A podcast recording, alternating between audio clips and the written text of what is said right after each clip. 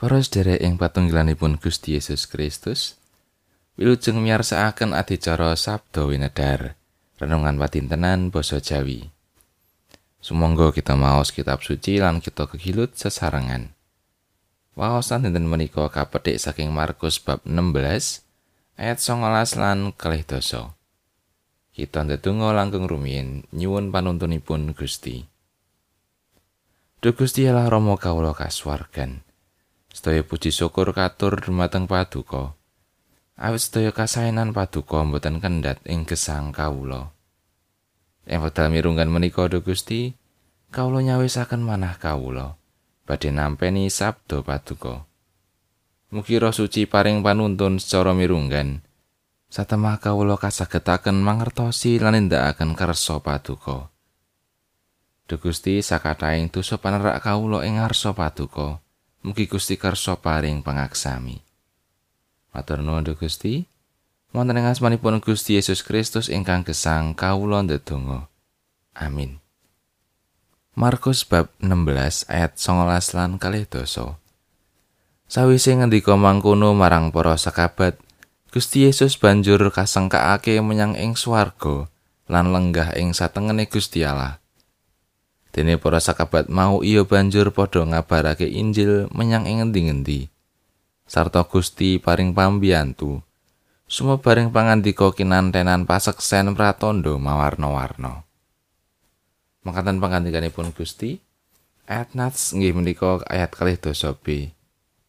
Gusti Allah uga makarya bebarengan karo murid-murid mau. Srana daya kasekten Mujizat-mujizat minangka bukti yen apa sing diwartakake dening para murid mau nyata. Petian ayat waosan kita menika minangka pucuking lelampahan adi mekratipun Gusti Yesus. Perangan ingkang wiwitan saking ayat menika nggambaraken antepipun manah para sekabat. Anggenipun netepi dawuh pangutusan saking Gusti Yesus. Para sekabat giyak-giyak kanthi semangat kesah martosaken Injil ing pundi-pundi papan. Kinten-kinten menapa ingkang jelari para sekabat mantep netepi timbalan menika? Kamangka Gusti Yesus secara tata lair sampun boten sesarengan kalian para sekabatipun. Tentu menawi kita maos ayat saderengipun, kita mangertosi Gusti Yesus sampun paring prasetyo ing bab pangrehipun tumraping para sekabat. Menika perkawis ingkang paring ayem. Ananging minangka tiyang alit, kita tentu ugi badhe miterang. Kados pundi caranipun Gusti nganteni para murid? Gusti ugi sampun mratelakaken sedaya menapa ingkang badhe kelampah. Kalebet prasetyan bab pangantenipun Gusti lantaran Sang Roh Suci. Para sedherek saking menika kita saged sinau. Gusti Allah menika kagungan cara ingkang boten saged dipun jajaki dening nalaripun manungsa. Pakaryanipun Gusti mboten saged dipun nalar dening manungsa. Tanggal jawabipun manungsa menika namung budidaya netepi dawuhipun Gusti. Kados para sekabat ingkang kasantosake manahipun kanthi prastyanipun Gusti. Sumangga kita ugi sami nyantosaken manah kita nglampahi dawuhipun Gusti. Wonten ing sadhengah perkawis sinaosa aurat. Tansah pitados badhe katuntun dening Sang Roh Suci ingkang tansah mitulungi lan berkahi kita. Amin.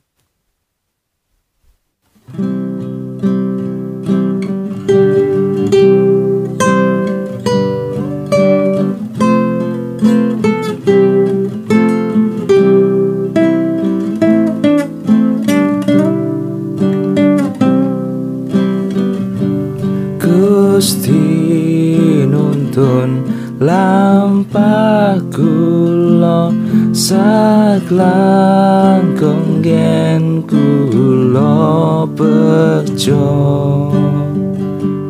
jelamiwa tepe uki kula dan satipun ganti Gusti kang di kula astanyo piyambak kang reksa. Mila kula manut Gusti juru wilujeng sejati.